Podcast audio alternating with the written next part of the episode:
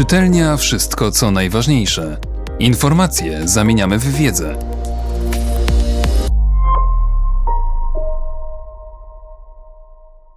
George Friedman. Co dzieje się w Polsce? Warszawa niechętnie oddaje z trudem zdobytą suwerenność w ręce Unii Europejskiej.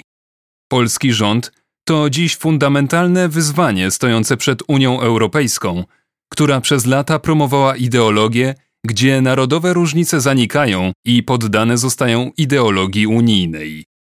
Tekst ten pisze w hotelu w Warszawie, który otoczony jest pomnikami poświęconymi pamięci Fryderyka Chopina, wielkiego polskiego kompozytora i w oczach wielu Polaków mistrza samokontroli i determinacji.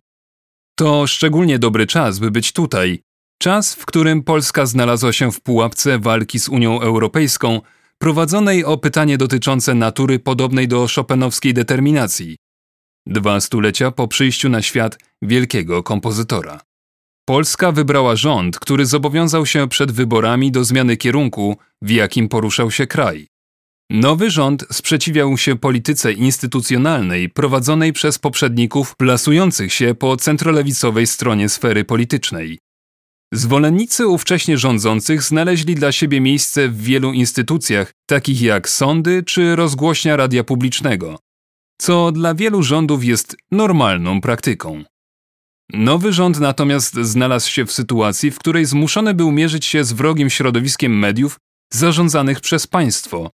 Dlatego po wygranej postanowił zmienić prawo, według zasady którego media państwowe funkcjonują podobnie jak sądownictwo.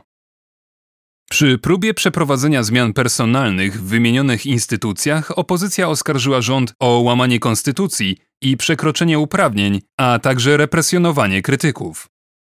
Rząd odpowiedział, że opozycja wcześniej próbowała pozbawić go możliwości objęcia władzy, pomimo demokratycznie uzyskanego mandatu do rządzenia i jasno formułowanego podczas kampanii programu.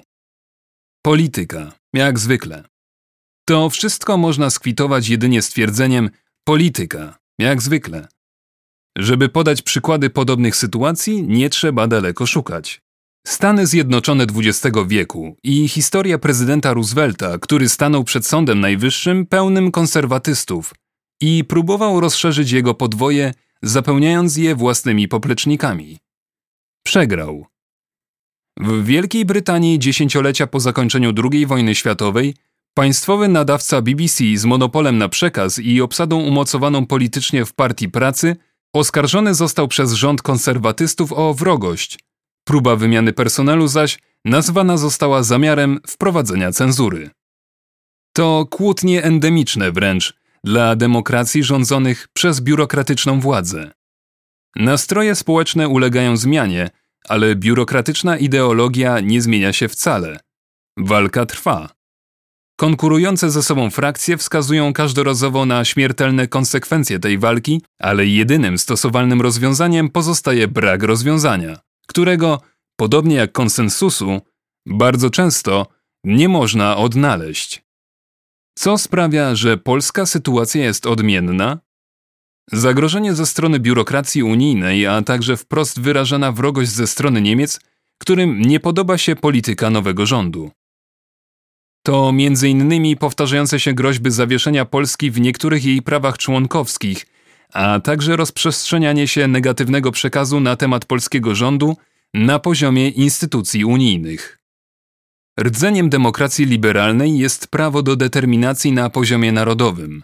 Determinacja ta, według teoretyków, zawiera w sobie coś w rodzaju demokratycznego procesu, koncepcji istnienia wielu struktur o charakterze instytucjonalnym, które u źródła mają proces wyborczy. Nie ma wątpliwości, że polski rząd, będący obecnie u władzy, został wybrany demokratycznie i zgodnie z prawem, a więc w jakimś sensie reprezentuje taką właśnie determinację ludzi. Argumentem opozycji, wyrażanym bardzo często implicit, jest twierdzenie, że mandat ten narusza prawo stanowione przez polską konstytucję. Zboczenie z drogi. Zważywszy na fakt, że polski rząd jawi się tu jako rezultat ludzkiej determinacji, i zwróciwszy uwagę, że działania, jakie podejmuje, nie są wcale bez precedensu w historii liberalnej demokracji, dziwi, że Unia Europejska, a zwłaszcza Niemcy, zachowują się tak agresywnie, gdy wszczynają alarm dotyczący tego, co dzieje się w Polsce. Jest tak z wielu powodów. Unia Europejska ma u swojego rdzenia pewną ideologię, której częścią jest wiara w wolny handel. Inną jest świeckość i wiara w istnienie słusznego i obowiązującego porządku społecznego, który pragnie zastąpić wszelkie różnice na poziomie narodowym i który jest nietolerancyjny w stosunku do nietolerancji. Oznacza to, że doktryna państwowa musi nie tylko przyzwalać na różnice w tym, co rozumiemy jako życie prywatne obywateli, ale też zapewniać im opiekę prawną wewnątrz obowiązującego systemu.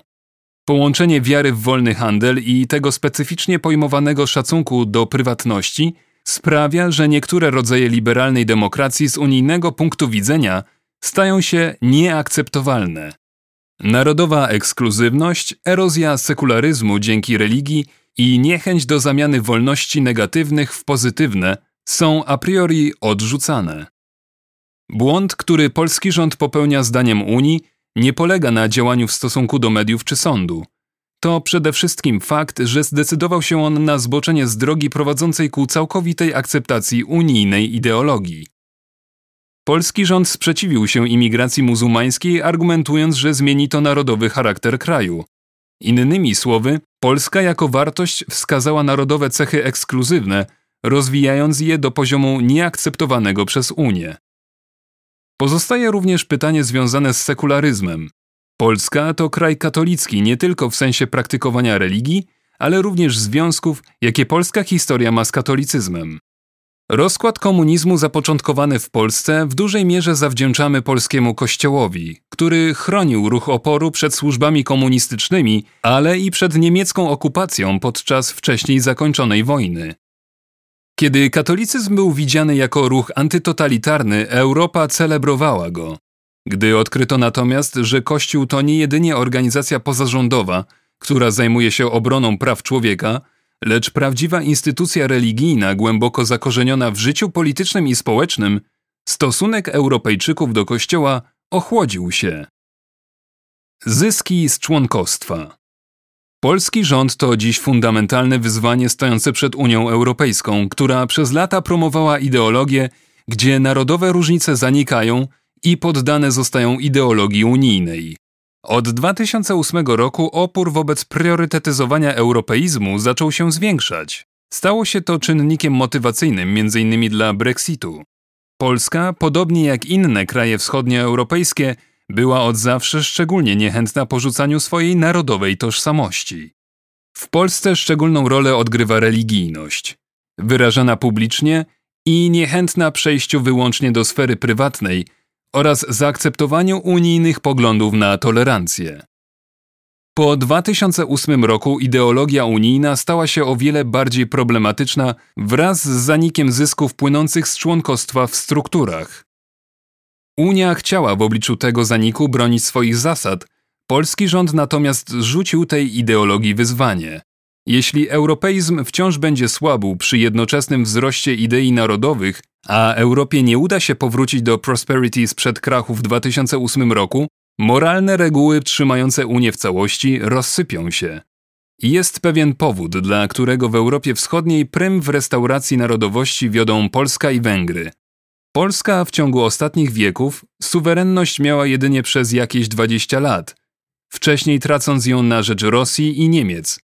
Gubiąc ją ponownie w relacji z Unią Europejską, której obietnice gospodarcze pozostają obecnie pod znakiem zapytania, jako czynnik mogący kształtować polskie relacje wewnętrzne, Polska wiele może stracić.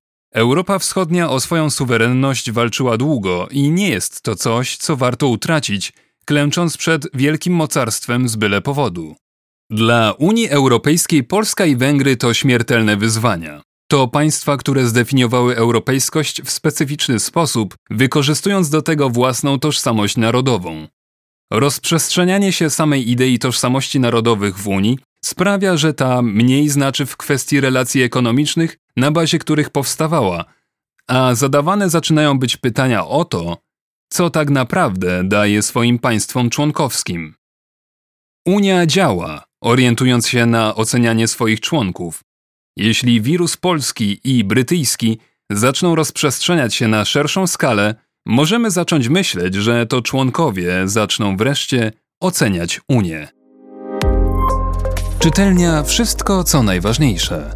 Czytał Mateusz Mleczko.